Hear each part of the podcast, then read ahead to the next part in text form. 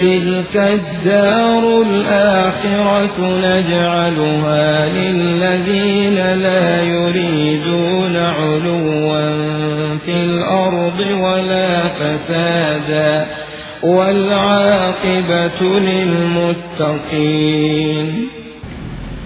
Kalau kita punya sifat at-tawadhu maka akan menyebabkan kita memiliki sifat memaafkan kesalahan saudara kita yang lainnya. Karena yang diinginkan oleh dirinya adalah kemuliaan di sisi Allah Subhanahu wa taala. Kata Allah Subhanahu wa taala dalam ayat yang mulia, "Falyafu wal yasfahu ala tuhibbuna ay yaghfirallahu lakum?" Hendaklah kalian memaafkan dan memberikan ampunan kepada saudara kalian yang lainnya yang berbuat salah ataukah pernah membolimi diri diri kalian Bukankah kalian suka kalaulah seandainya Allah Subhanahu wa taala mengampuni dosa-dosa kalian? Dalam ayat yang mulia ini ikhwatana fil a'azanallahu wa iyyakum Allah Subhanahu wa taala menjelaskan di antara fadilah sifat pemaaf akan menyebabkan Allah Subhanahu wa taala mengampuni hambanya. Dalam hadis lainnya Rasulullah sallallahu alaihi wasallam bersabda, "Innama yarhamullahu min ibadihi ar-ruhama." Sesungguhnya orang-orang yang dirahmati oleh Allah Subhanahu wa taala adalah yang punya perasaan ar-ruhama. Kasih mengasih. Memiliki perasaan ar-rahmah kasih sayang terhadap yang lainnya. Kisah al-imam Ahmad ibn Hanbal rahimahullahu taala. Kita melihat kisah beliau di zaman fitnah Jahmiyah. Fitnah khalqu Al-Quran. Undang-undang negara yang diterapkan pada zamannya berupa hendaklah masyarakat harus meyakini Al-Quran adalah makhluk. Yang ternyata Ja'ad ibn Dirham berhasil mempengaruhi penguasanya sehingga menyebabkan penguasa tersebut membunuh ataukah menangkap orang-orang yang tidak menerapkan undang-undang tersebut. Kisah yang masyhur bagaimana Al-Imam Ahmad bin Hanbal rahimahullahu taala bersabar di dalam di dalam menjalankan ataukah memegang keyakinan ahli sunnah wal jamaah seputar Al-Quran adalah kalamullah. Firman Allah Subhanahu wa taala wa laysa bimakhluq. Dan bukan termasuk makhluk ciptaan Allah Subhanahu wa taala. Ini khawatana fil Allah wa iyyakum sehingga dengan kesabaran al-Imam rahimahullah taala akhirnya Allah Subhanahu wa taala menampakkan al-haq. Dan Allah Subhanahu wa taala memuliakan diri beliau rahimahullahu taala sampai al-Imam Ali ibn al-Madini guru besarnya al-Imam al-Bukhari rahimahullahu taala memberikan pujian kepada al-Imam Ahmad bin Hanbal rahimahullahu taala a'azzallahu al-Islam bi Abi Bakr yaum ar-riddah wa bi Ahmad ibn Hanbal yaum al-mihnah Sesungguhnya Allah Subhanahu wa taala telah memuliakan Islam dengan perantara Abu Bakar As-Siddiq pada hari Ar-Rijah di mana kebanyakan orang murtad dari agamanya setelah wafatnya Rasulullah sallallahu alaihi wasallam. Ketika Rasulullah sallallahu alaihi wasallam meninggal dalam keadaan mereka orang-orang yang jauh dari kampung Madinah, banyak yang murtad keluar dari Islam dalam keadaan subhanallah sebelum meninggalnya Rasulullah sallallahu alaihi wasallam Rasulullah sallallahu alaihi wasallam mengutus pasukannya yang dipimpin oleh Usama bin Zaid radhiyallahu taala anhu dan mengerahkan hampir keseluruhan para sahabat Rasulullah sallallahu alaihi wasallam. Tapi dengan kesabaran Abu Bakar Demikian pula istiqamahnya di dalam menjalankan sunnah Rasulullah Sallallahu Alaihi Wasallam dirinya tidak mau untuk kemudian menarik satu pasukan dalam keadaan Rasulullah Sallallahu Alaihi Wasallam menjalankannya. Ucapan yang masyhur yang dinukilkan oleh Al Imam Al Bukhari rahimahullah taala menjelaskan perkataan Al perkataan Abu Bakar As Siddiq radhiyallahu taala anhu fa inni akhafu In taraktu syai'an min amrihi an azigha. Sesungguhnya aku mengkhawatirkan kalau seandainya aku meninggalkan sedikit saja dari perintahnya Rasul Shallallahu Alaihi Wasallam, maka akan menyebabkan azigha. Aku menyimpang, memiliki kesesatan, yang dengan penyimpangan tersebut akhirnya menyebabkan Allah Subhanahu Wa Taala menyimpangkan diri beliau radhiyallahu taala anhu ini khawatana fil Allah yakum sehingga dengan keteguhan Abu Bakar As-Siddiq maka Allah Subhanahu wa taala memenangkan pasukannya Usama ibni Zaid yang subhanallah menyebabkan mereka orang-orang yang murtad dari agamanya mengurungkan niatannya dan menyebabkan kebanyakan mereka orang-orang yang sebelumnya masuk Islam kembali memeluk agama Islam. Ini ikhwatana fil a'azzanallahu wa iyyakum. Kemudian kata beliau rahimahullah taala kemudian Allah Subhanahu wa taala memuliakan Islam untuk kedua kalinya. Dengan perantara Al-Imam Ahmad bin Hanbal rahimahullah taala.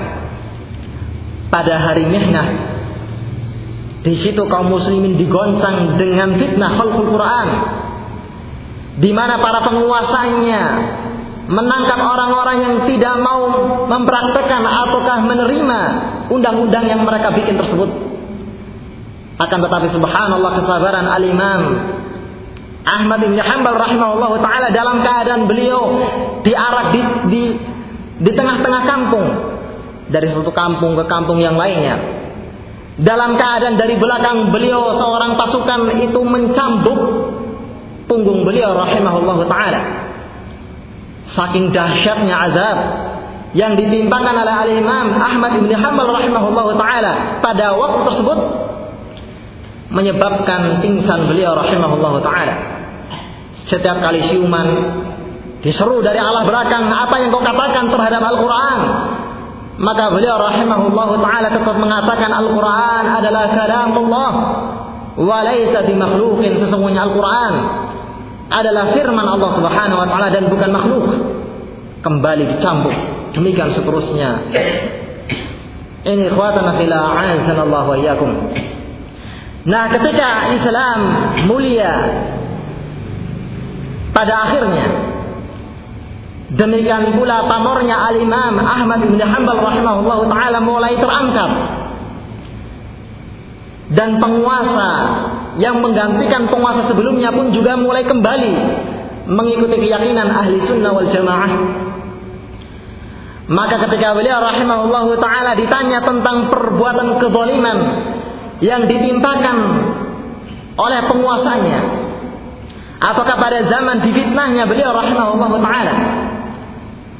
Maka beliau mengatakan adapun al-amir pemimpinnya penguasanya. Dirinya adalah orang yang termakan subhat oleh ahli bid'ah yang lainnya. Adapun tukang cambuknya dirinya adalah seorang yang memang usahanya ataukah pekerjaannya seperti itu. Kalaulah seandainya dirinya tidaklah diperintah oleh penguasanya ataukah tidak menjalankan tugasnya, maka tentu dirinya tidak bisa memberikan nafkah kepada keluarganya. Memaafkan sang amir dan memaafkan tukang sambungnya. Adapun Ja'ad ibni Dirham pelopor Apakah ahli bid'ah yang meniupkan syubhat tersebut kepada pemimpinnya? Sehingga akhirnya sang penguasa terpengaruh dengan syubhatnya. Sehingga menyebabkan terjadinya undang-undang yang kafir tersebut. Maka baini wa bainahullah di antara aku dan dia ada Allah Subhanahu wa taala. Tidak memaafkan kesalahan penyimpangan Ja'ad ibni Dirham lantaran dari dialah terjadinya musibah fitnah yang melanda kaum muslimin. Akan tetapi subhanallah di akhir hayatnya beliau rahimahullah taala memberikan wasiat kepada anaknya ketahuilah sesungguhnya aku pada hari ini memaafkan kesalahannya Ja'ad ibni Dirham. Ingin terlepas dari tanggungan yang diucapkan oleh beliau rahimahullah taala. Demikian pula menginginkan memiliki sifat al-afu, pemaaf kepada yang lainnya. Ini ikhwatana fila azanallahu wa iyyakum. Bila mana seorang tersebut memiliki sifat at-tawadhu, rendah diri di hadapan yang lainnya, maka menganggap bahwasanya dirinya tidak punya hak di hadapan yang lainnya merasa tidak pantas untuk kemudian disanjung, merasa tidak pantas untuk kemudian dihormati lantaran seorang yang tidak punya hak, tidak merasa ada orang lain yang memuliakannya, tidak merasa memiliki kelebihan atas yang lainnya, untuk kemudian dengan kelebihan tersebut orang lain menyanjung dirinya. Inilah ikhwatana fil a'azanallahu yakum sifat at-tawadhu yang mulia yang pada hakikatnya apabila seorang hamba menjalankan sifat yang seperti ini, merendahkan dirinya, menganggap dirinya adalah seorang yang banyak kesalahannya, dan bahkan menganggap bahwasanya orang yang berada di hadapannya adalah seorang yang afdal atas dirinya, menyebabkan mulia derajatnya dan tinggi kedudukannya di sisi Allah Subhanahu wa taala. Wa man tawadhu'a lillahi rafa'ahu Allah Barang siapa yang mau memiliki sifat tawadhu lantaran Allah Subhanahu wa taala, maka niscaya Allah Subhanahu wa taala akan mengangkat derajatnya. Kita berlindung ikhwatana fil a'azanallahu wa yakum kepada Allah Subhanahu wa taala. Kalaulah seandainya ada di antara kita yang menganggap kita mulia dalam keadaan ternyata di sisi Allah Subhanahu wa taala kita adalah seorang yang hina, kita lebih menginginkan hina di hadapan makhluk tapi mulia di sisi Allah Subhanahu wa taala. Ini ikhwatana fil Allah wa iyyakum. Kemudian pada pembahasan yang sebelumnya telah kita singgung tentang fadilah at-tawadhu. Demikian pula telah kita singgung tentang bahayanya apabila seorang tersebut memiliki sifat al-kibir, kesombongan yang menafikan sifat at-tawadhu telah kita sebutkan hadis yang sahih dari Rasul Shallallahu Alaihi Wasallam yang dikeluarkan oleh Al Imam Al Bukhari dan Muslim. Kata Rasulullah Shallallahu Alaihi Wasallam, "Ala ukhbirukum bi ahli nar, kullu utullin jawadin mustakbir." Maukah aku kabarkan kepada kalian tentang ciri-ciri penduduk neraka jahanam? Sesungguhnya mereka adalah kullu utullin. Seorang yang tamak akan hartanya. Utul maksudnya suka mengumpulkan harta akan tetapi bakhil menafkahkan atas yang lainnya. Ini utul. Nah, ahli nar adalah orang-orang yang memiliki sifat tersebut. Kemudian yang kedua adalah jawawin seorang yang kaku peranginya. Tidak punya sopan santun dan adab yang baik terhadap yang lainnya. Sehingga perbuatannya adalah kaku, penuh dengan kekakuan. Ini sifat yang kedua. Yang ketiga adalah mustakbir seorang yang sombong. Seorang yang sombong. Al-jannah ikhwatana fil a'azanallahu wa yakum adalah ajar. Tempat yang disiapkan oleh Allah Subhanahu wa taala bagi siapa? Lilladzina la yuriduna uluwan fil ardi wala fasada. Tidak menginginkan ketinggian Apakah berupa mengejar kekuasaan ataukah ketinggian dari segi namanya harum dikenal oleh yang lainnya? Ataukah ketinggian dari segi martabatnya ingin lebih tinggi atas yang lainnya ataukah yang lainnya? Unsur-unsur ketinggian unsur-unsur membanggakan diri sendiri atas yang lainnya adalah sifat ahli nar yang dimurkai oleh Allah Subhanahu wa taala. Ini khawatana fil a'azzallahu wa dalam sebuah hadis yang sahih dikeluarkan oleh Imam Al-Bukhari dan Muslim rahimahumullah taala. Dari Abu Hurairah radhiyallahu taala anhu. Di mana Rasulullah Shallallahu Alaihi Wasallam mengisahkan keadaan salah seorang. Pada zaman sebelum diutusnya Rasulullah Shallallahu Alaihi Wasallam. Bainama rajulun yamshi. Murajjilun ra'suhu ataukah bainama rajulun yamshi fi hullatin tu'jibuhu murajjilun ra'suhu idh khasafa Allah bihi fahuwa yatajaljalu fil ardi ila yaumil qiyamah? Pada zaman sebelum kita ada salah seorang yang berjalan di atas bumi ini dalam keadaan dirinya mengenakan kain, sur, kain sutra yang dirinya berbangga dengan kain tersebut menyombongkan dirinya atas yang lainnya. Lantaran dirinya mengenakan kain tersebut.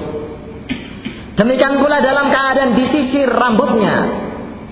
Berjalan dengan congkaknya berjalan seakan-akan dirinya adalah seorang yang mulia atas yang lainnya. Sehingga merendahkan orang yang berada di bawah kedudukannya serendah-rendahnya. Maka tatkala orang ini berjalan dengan angkuhnya dalam keadaan menyombongkan dirinya. Maka kata Rasulullah sallallahu alaihi wasallam iz khasafallahu bihi maka Allah Subhanahu wa taala memerintahkan bumi untuk kemudian menenggelamkan dirinya. Fahuwa yatajaljalu fil ardi ila yaumil qiyamah.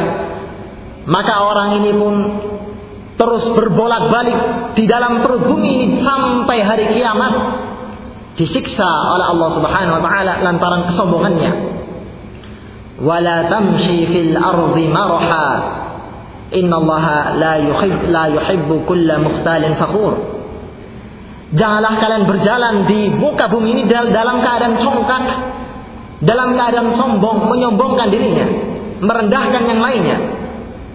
Sesungguhnya Allah Subhanahu wa taala tidak mencintai orang yang fakhur, suka menyombongkan dirinya dan suka berbangga terhadap jiwanya. Sehingga pada awal kali pembahasan kita menukilkan adanya salah seorang salafun saleh yang betul-betul menjaga perbuatannya dan menjaga sifatnya sampai memperhatikan gaya langkahnya. Jangan sampai tak tersadarkan dirinya berjalan seperti hanya layaknya seorang yang menyombongkan dirinya. Sampai ada salah seorang di antara mereka saking hati-hatinya. Jangan sampai terjatuh ke dalam sifat al-kibir. Ketika berjalan, dipegang tangannya. Ketika ditanya dirinya mengatakan, ini akhafu antanafaqa yadayya. Aku mengkhawatirkan kalau seandainya aku tidak memegang kedua tanganku ini, maka nantinya akan berbuat nifaklah kedua tanganku tersebut tanpa sadar dengan gaya-gaya yang dilakukan oleh kedua tangannya akhirnya dirinya membanggakan jiwanya ini khawatana fila azanallahu wa yakum maka pada pembahasan yang setelahnya ma'alif rahimahullahu taala setelah sebelumnya mengingatkan kepada kita tentang fadilah tawadu dan kita sebutkan tentang bahayanya sifat al-kibir maka ma'alif rahimahullahu taala mulai menerangkan tentang apa itu al-kibru yang dengan sifat kibir tersebut ternyata menyebabkan kebinasaan dan hilangnya, pupusnya, sirnanya sifat tawadu yang dimiliki oleh seorang hamba. Mahu al-kibru katanya. Apa itu al-kibir? Kata beliau hafizahullah taala menukilkan sebuah hadis an Abdullah bin Mas'ud radhiyallahu anhu 'an Nabi sallallahu alaihi wasallam qala la yadkhulul jannah man kana fi qalbihi mithqalu dzarratin min kibrin.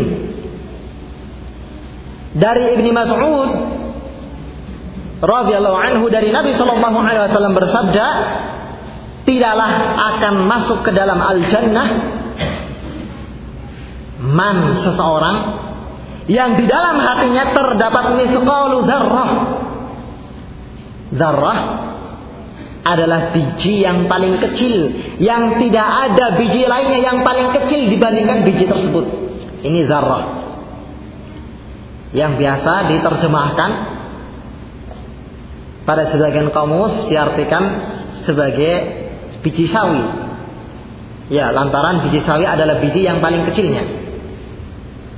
Al-muhim Kata Nabi Shallallahu Alaihi Wasallam tidaklah akan masuk ke dalam jannah seseorang yang di dalam hatinya tersebut ter, uh, yang di dalam hatinya tersebut terdapat satu mitkal, satu biji yang paling kecilnya min kibrin dari kesombongan.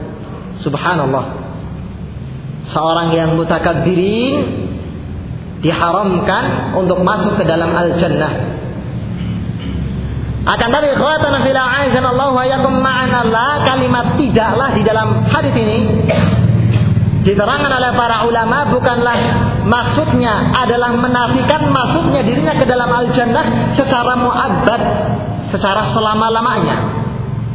Akan tapi bermakna la yadkhulul jannata duhulan awwaliyan. Tidak masuk ke dalam jannah dengan bentuk masuk pertama kalinya. Dalam artian mengalami proses azab lantaran kemaksiatannya. Ini khawatana fil Allah wa yakum. Seperti halnya hadis Nabi alaihi salatu wasallam yang sahih, la yadkhulul jannata qattatun.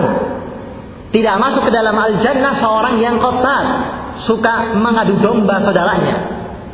Ini diterangkan oleh para ulama makna la yadkhulul jannah pun juga sama la yadkhulul jannata dukhulan awwaliyan.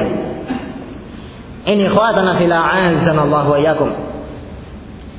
Qala rajulun maka ada seorang yang bertanya kepada Nabi sallallahu alaihi wasallam, "Innar rajula yuhibbu ay yakuna thawbuhu hasanan wa na'luhu hasanah." Sesungguhnya seseorang tersebut ya Rasulullah adalah dirinya mencintai kalaulah seandainya dirinya mengenakan baju yang baik, baju yang bagus dan sendal yang bagus.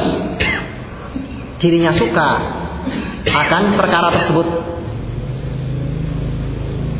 karena sahabat ini mengkhawatirkan kalau seandainya yang dimaksudkan tidak masuk ke dalam al-jannah lantaran kesombongan di dalam dirinya, mengkhawatirkan kalau seandainya seorang mengenakan baju yang bagus ataukah sendal yang bagus, maka berarti termasuk kesombongan yang tidak masuk ke dalam al-jannah. Apa kata Rasul sallallahu alaihi wasallam? Innallaha jamilun yuhibbul jamal.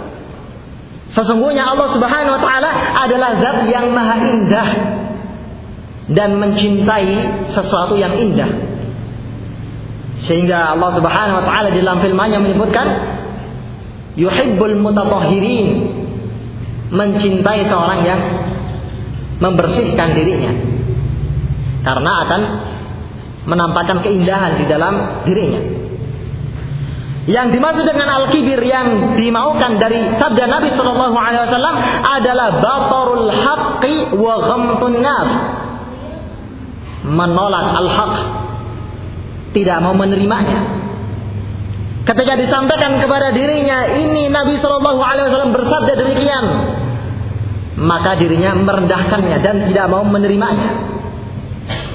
Kemudian memiliki sifat ghamtun nas, merendahkan manusia yang lainnya yang di bawah kedudukannya. Ini dua sifat yang melekat pada diri seorang yang dikatakan sebagai seorang yang mutakabir, seseorang yang sombong. Dalam sebuah hadis yang sahih dikeluarkan oleh Imam Muslim rahimahullah taala dari Salama ibn al-Aqwa Beliau mengisahkan radhiyallahu taala anhu pernah ada salah seorang makan di samping Rasulullah Sallallahu Alaihi Wasallam, tapi dirinya makan dengan tangan kirinya, makan dengan tangan kirinya. Maka Rasulullah Sallallahu Alaihi Wasallam mengingatkan kepada dirinya dan mengatakan, "Kul biyaminik, makanlah dengan tangan kananmu." Maka orang ini mengatakan, "Ma astati, sesungguhnya aku tidak mampu untuk melakukannya." Diterangkan oleh periwayat hadis ini, "Ma mana'ahu illa kibrun." Tidaklah yang mencegah dirinya untuk kemudian mentaati nasihatnya Rasulullah sallallahu alaihi wasallam melainkan kesombongan. Dirinya sombong, menyombongkan dirinya. Ketika dirinya menolak al-haq, maka berarti ada sifat kesombongan di dalam dirinya. Maka kata Rasulullah Shallallahu Alaihi Wasallam, mastata'ta, engkau bakalan tidak mampu untuk melakukannya.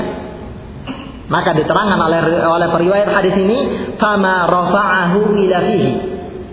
Maka orang ini sebagai iqab, sebagai balasan lantaran dirinya memiliki sifat kesombongan dan menolak hadis Nabi alaihi salatu wasallam, maka kata periwayat hadis ini, orang ini semenjak dikatakan oleh Nabi Shallallahu Alaihi Wasallam engkau tidak akan mampu melakukannya, maka dirinya tidak mampu mengangkat tangan kanannya ke arah mulutnya. Sebagai balasan dari sisi Allah Subhanahu Wa Taala. Ini ikhwatana fila azan Allah wa yakum. Sehingga dalam hadis ini menerangkan kepada kita bahwasannya indahnya dan bagusnya pakaian seseorang Demikian pula bagusnya sendalnya tidaklah menafikan sifat tawadhu yang dimiliki oleh hamba tersebut. Bahkan disebutkan dalam sebuah hadis kata Rasulullah sallallahu alaihi wasallam innallaha yuhibbu ayyura atharu ni'matihi 'alal 'alal 'abdi. Sesungguhnya Allah Subhanahu wa taala sangat suka sangat suka sangat cinta kalaulah seandainya seorang hamba yang diberi nikmat oleh Allah Subhanahu wa taala kemudian hamba ini menampakkan kenikmatan Allah Subhanahu wa taala yang diberikan atas dirinya. Sehingga ikhwatana fil a'azzallahu wa iyyakum batilla persangkaan orang-orang sufi yang mereka menyebutkan makna zuhud, makna seorang yang memiliki sifat kerendahan hati atas yang lainnya adalah orang-orang yang memiliki pakaian yang kusuk, eh, yang busuk. Demikian pula penampilan yang kumel ataukah kotor. Ini hakikat zuhud menurut mereka. Kita mendengarkan dan kita mengetahui bagaimana derajatnya dan tingginya kemuliaan serta ilmu. Al-Imam Al-Hafiz Ibnu Hajar Al-Asqalani rahimahullahu taala. Ulama imam hafiz pada zamannya. Yang diterangkan oleh para ulama bahwasanya beliau adalah hafiz yang paling terakhir pada zaman ini dan tidak ada hafiz setelahnya. Lantaran kematangannya dan tingginya ilmunya dan pahamnya tentang hadis Nabi alaihi salatu wasalam. Beliau diangkat sebagai qadhi oleh penguasanya. Sehingga akhirnya beliau rahimahullahu taala bisa merasakan kenikmatan yang banyak dan merasakan kemewahan. Walhasil diterangkan dalam sebuah kisah ketika beliau berjalan dengan menaiki kendaraannya yang bagus demikian pula dengan mengenakan pakaian yang serba bagus maka ada seorang yang kafir menghadang beliau rahimahullah taala. Dalam keadaan sang kafir ini adalah seorang yang miskin yang miskin penampilannya lebih di bawah al-imam al-hafiz ibnu hajar rahimahullah taala menghadang dalam keadaan mengenakan pakaian yang lusuh. Penampilan yang menggambarkan kesengsaraan hidup yang dialami. Maka sang ini mengatakan, "Ya Imam, sesungguhnya nabi kalian mengatakan, ad-dunya sijnul mu'min wa jannatul kafir." Dalam hadis yang dikeluarkan oleh Imam Muslim rahimahullah taala hadis yang sahih. Sesungguhnya sorga itu kata sang kafir ini adalah penjaranya orang yang beriman dan sorganya orang yang kafir. Dalam keadaan kita melihat engkau seorang imam, seorang yang muslim dalam keadaan berada di atas kemewahan, berada di atas kenikmatan. adapun diriku berada di atas kesengsaraan. Maksudnya hendak menafikan hadis Nabi alaihissalam dengan keadaan dirinya. Berbeda jauh dengan keadaan Al-Imam Al-Hafidh Ibnu Hajar rahimahullah taala. Maka apa jawaban seorang yang alim, seorang yang faham tentang hadis tersebut?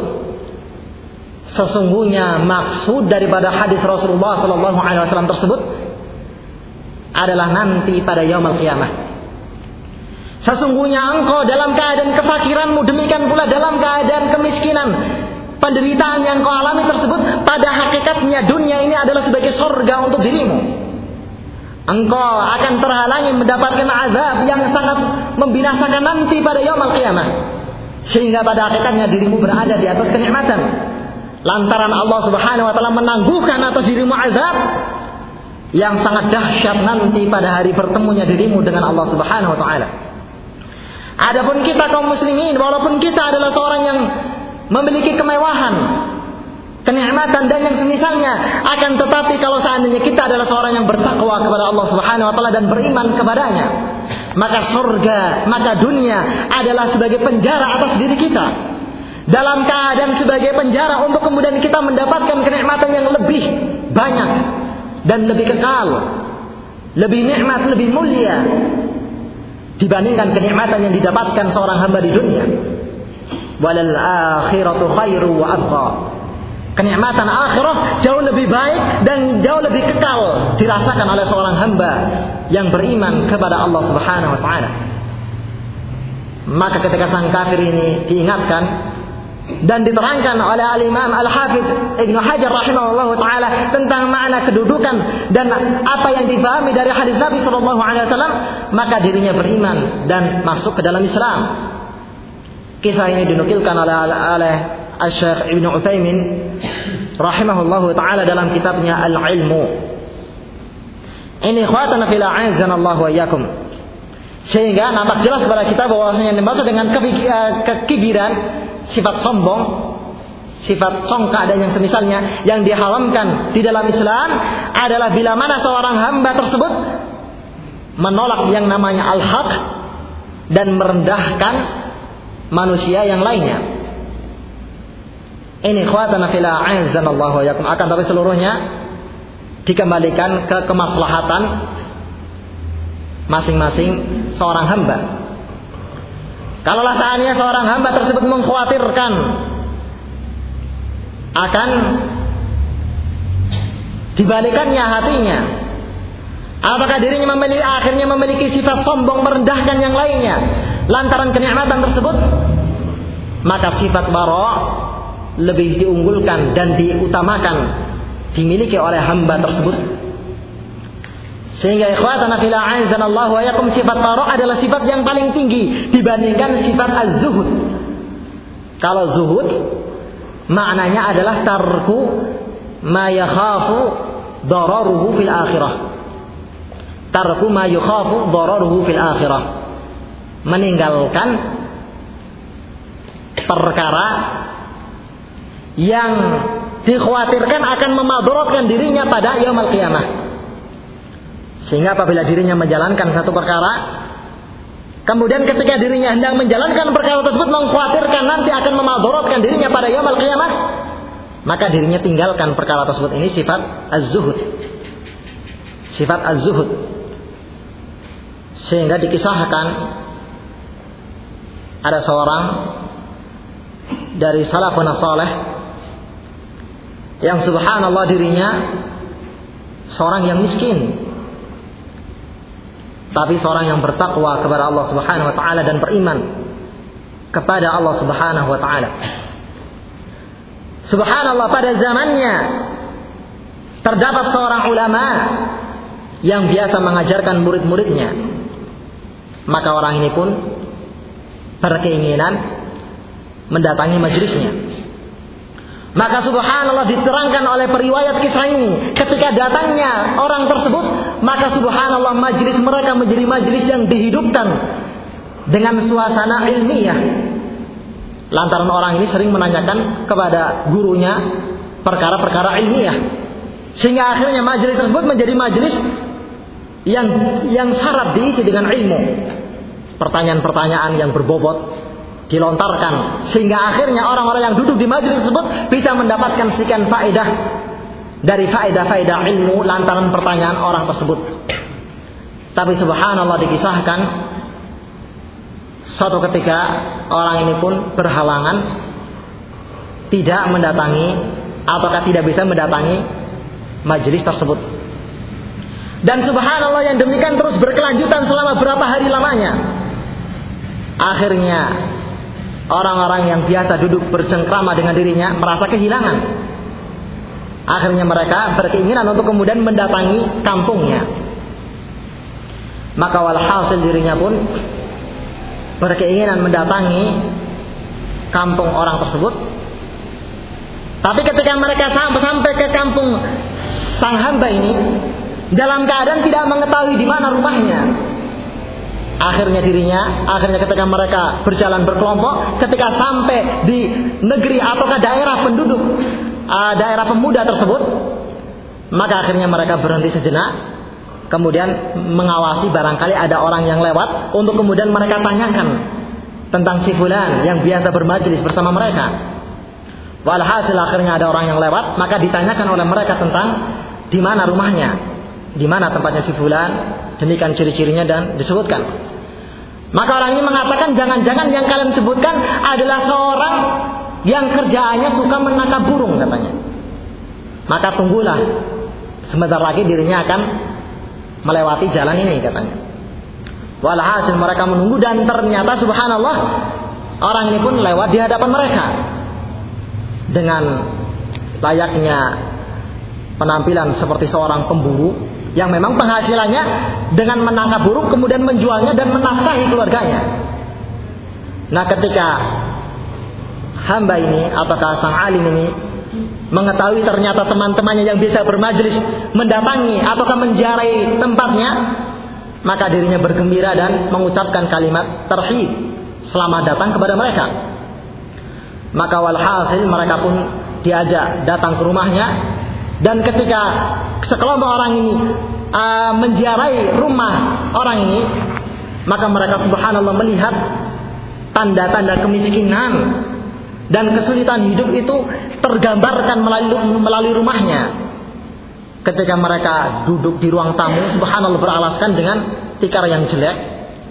Walhasil akhirnya hamba ini pun yang dikenal dengan Abu Abdullah Uh, ketika mempersilahkan mereka untuk duduk di ruang tamunya, kemudian dirinya menjumpai istrinya dan menyuruh untuk kemudian memasak burung yang ditangkap oleh dirinya untuk dijamukan kepada yang hadir tersebut. Walhasil akhirnya ketika mereka dijamu kemudian akhirnya mereka pulang meninggalkan rumahnya Abu Abdullah maka mereka mulai membicarakan solusi bagaimana caranya agar supaya dirinya bisa mencukupi kehidupannya.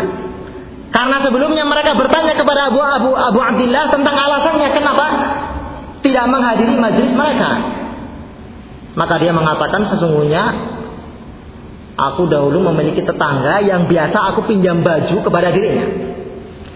Walhasil ketika tetanggaku tersebut meninggalkan kampungku ini, akhirnya aku tidak tidak memiliki tetangga lagi yang bisa untuk kemudian aku pinjam bajunya, yang dengan baju tersebut aku mendatangi majelis kalian.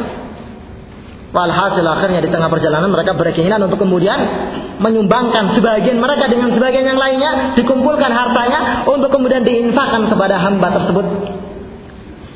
Walhasil dikumpulkan sekian jumlahnya dan ternyata ketika mereka sekembalinya kam pulang ke kampung halaman mereka di pertengahan jalan ditanya oleh seorang sultan, seorang gubernur yang memang kebetulan kenal kepada salah seorang di antara mereka. Ditanya tentang tujuannya dari mana dan, dan yang semisalnya. Maka mereka mereka menyebutkan kisahnya dan mereka menyebutkan tentang tujuan mereka mendatangi kampung Abu Abdullah demikian pula mereka menyebutkan niatan baik mereka kepada dirinya. Maka sang amir ini pun menginginkan untuk kemudian melakukan perbuatan semisal dengan apa yang mereka niatkan. Akhirnya dirinya menyuruh pasukannya untuk kemudian membawakan sekian uang dirham pada zamannya untuk kemudian diberikan kepada hamba tersebut. Walhasil akhirnya ketika salah seorang di antara mereka mendatangi rumahnya Abu Abdullah, kemudian ketika dirinya menyodorkan uang tersebut, maka subhanallah Abu Abdullah menganggap bahwa musibah itu berada di hadapannya. Walhasil akhirnya dirinya berlindung kepada Allah Subhanahu wa taala dan menyuruh orang tersebut untuk kembali ke kampungnya. Dan ketika dirinya kembali, maka Abu Abdullah ini pun berwudu dan mandi kemudian berdoa kepada Allah Subhanahu wa taala minta untuk kemudian diselamatkan dari fitnah al-mal, fitnah harta. Maka walhasil Allah Subhanahu wa taala mengabulkan doa yang dipanjatkan oleh dirinya, akhirnya diwafatkanlah beliau rahimahullahu taala. Sehingga ketika orang yang uh, membawa emas tersebut atau uang tersebut ditolak dari rumahnya, kemudian mendatangi sang amir, kemudian menyebutkan tentang penolakannya, Akhirnya sang penguasa tersebut marah dengan kemarahan yang sangat, kemudian memerintahkan prajurit-prajuritnya untuk kemudian membawa pedang dan memenggal kepala orang tersebut. Menyangka dirinya seorang khawarij yang antipati terhadap penguasanya. Walhasil ketika dirinya datang bersama prajurit tersebut mendatangi rumahnya Abu Abdullah, maka dijumpai ternyata dirinya telah meninggal dunia Walhasil dirinya kembali kepada sang amir dan menyampaikan berita tersebut dan menyebutkan kisahnya dan walhasil sang amir pun menyolatkan hamba tersebut dan berita tersebut tersebar di kampungnya. Ini khawatana fila azanallahu yakum dan kisah-kisah yang seperti ini banyak dimuat ala al-Imam Az-Zahabi rahimahullah taala dalam Syiar A'lam An-Nubala. Ini khawatana fila azanallahu yakum. Sehingga seperti yang kita terangkan, yang dimaksud dengan sifat al-kibir adalah seorang tersebut menolak al-haq dan merendahkan hamba yang lainnya. Wa fi riwayat ukhra dalam riwayat yang lainnya disebutkan la yadkhulun nar ahadun fi qalbihi mithqalu habbatin khardalin min iman. Tidak akan masuk ke dalam neraka jahanam seorang pun di dalam hatinya terdapat satu habbah satu biji khardal berupa keimanan wala yadkhulun nar wala yadkhulul jannata ahadun fi qalbihi mithqalu habatin khardalin min kibriya. Tidak akan masuk ke dalam jannah salah seorang pun yang di dalam hatinya terdapat satu biji khardal berupa kibriya kesombongan kecongkakan. Dalam sebuah hadis yang dikeluarkan oleh Imam Muslim rahimahullah taala Rasulullah sallallahu alaihi wasallam menyebutkan firman Allah Subhanahu wa taala dalam hadis qudsi tersebut Al-izzu ridai. Al-izzu izari. Wal kibriya'u ridai. Faman yunazi'uni azabtuhu. Sesungguhnya kemuliaan adalah sarungku. Kata Allah Subhanahu wa taala. Demikian pula kesombongan adalah selendangku. Maka barang siapa ada salah seorang hamba yang berusaha mencabutnya untuk kemudian dikenakan oleh dirinya, maka azabtuhu aku akan mengazabnya. Lantaran yang berhak untuk sombong adalah Allah Subhanahu wa taala. Di antara nama Allah Subhanahu wa taala adalah Al-Mutakabbir. Al-Azizul Jabbarul Mutakabbir. Seorang yang maha perkasa, seorang yang jabar, zat yang jabar demikian pula mutakabbir.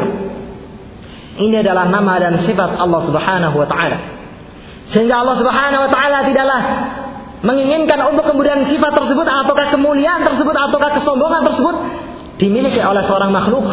Dari selain Allah Subhanahu wa taala di mana apabila ada seorang makhluk yang berusaha mengenakan sifat yang pada hakikatnya adalah miliknya Allah Subhanahu wa taala maka azabtuhu Allah Subhanahu wa taala akan mengazabnya. Ini ikhwatana fil a'azzanallahu iyyakum. Sehingga dalam hadis ini nampak jelas tentang ta'rif al-kibir sehingga kita berusaha untuk kemudian meninggalkan sifat tersebut sejauh-jauhnya. Wallahu a'lamu bishawab. Mungkin ini yang bisa Anda sampaikan pada pertemuan malam hari ini. Wal'afu minkum subhanakallahumma bihamdika asyhadu an la ilaha illa ant astaghfiruka wa atubu ilaik.